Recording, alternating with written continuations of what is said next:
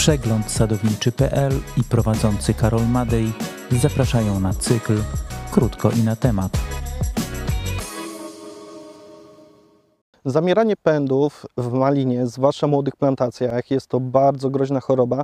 Może ona występować nie tylko na pędach dwuletnich, ale będzie nam przechodziła na pędy jednoroczne, które w przyszłym roku będą nam budowały cały plon.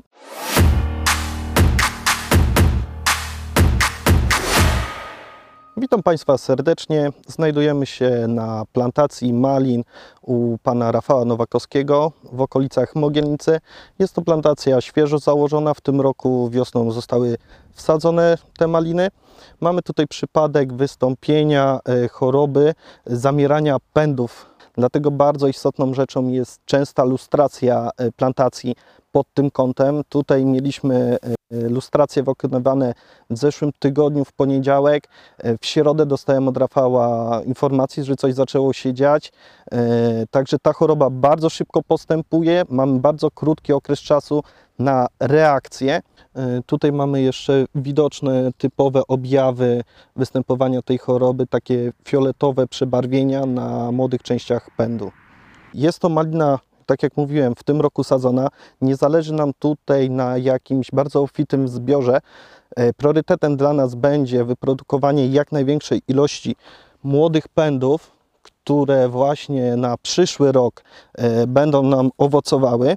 Dlatego razem z Rafałem podjęliśmy tutaj decyzję o całkowitym wycięciu wszystkich porażonych pędów e, tą chorobą. To są pędy dwuroczne, które jak widać są porażone e, tą oto chorobą, zamieraniem pędów. One muszą być w całości usunięte mniej więcej na wysokości 5 cm od bryły korzeniowej. Po wycięciu wszystkie te pędy zostaną zebrane, wywiezione z plantacji i zutylizowane, spalone po prostu. E, jeśli ich nie wywieziemy, zostawimy ich w międzyrzędziach, zostaną skoszone, mamy bardzo duże ryzyko, że te patogeny przeniosą nam się w dość szybkim czasie na młode pędy i one też zostaną porażone. Dlatego wywożenie jest bardzo, bardzo istotną sprawą. Samo wycięcie tych pędów nie zwalnia nas od wykonywania zabiegów y, chemicznych, które i tak będą niezbędne z racji tego, że zostają nam pędy jednoroczne, na których mogą się znajdować e, patogeny już y, tej choroby.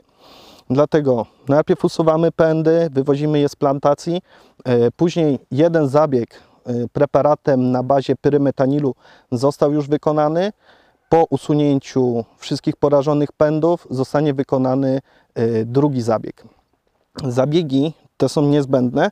E, oprócz tego bardzo ważną rzeczą jest też, żebyśmy tą plantację odpowiednio odżywili na nadchodzącą e, zimę, tak?